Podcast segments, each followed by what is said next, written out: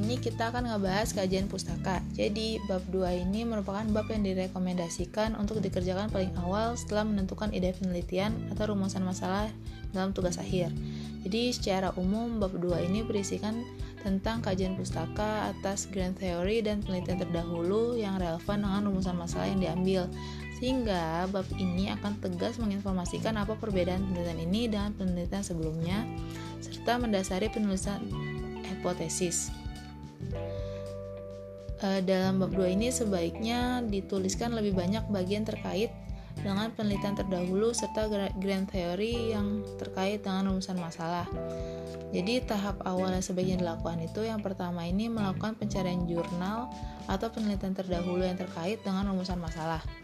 Yang kedua, melakukan pembuatan matriks yang berisikan judul, penulis, variabel yang digunakan, metode analisis, dan hasil.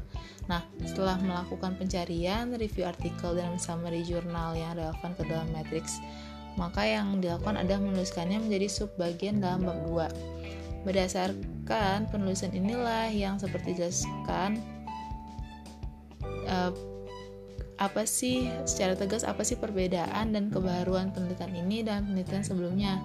Nah, berikut ini ada beberapa acuan yang bisa dijadikan apakah bahan pustaka ini bisa digunakan uh, relevan atau tidak. Yang pertama, review apakah rumusan masalah dan tujuan dalam penelitian tersebut sesuai dengan rumusan masalah yang diangkat dalam penelitian kita. Yang kedua, review model analisis yang dikembangkan dalam penelitian tersebut. Selanjutnya, identifikasi apa saja dependent dan independent variables yang digunakan.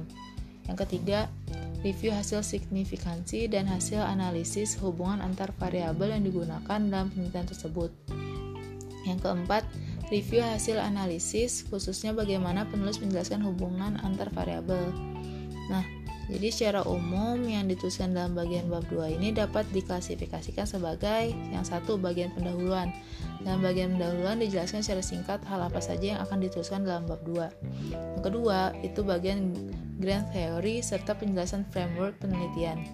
Yang ketiga, bagian penelitian terdahulu.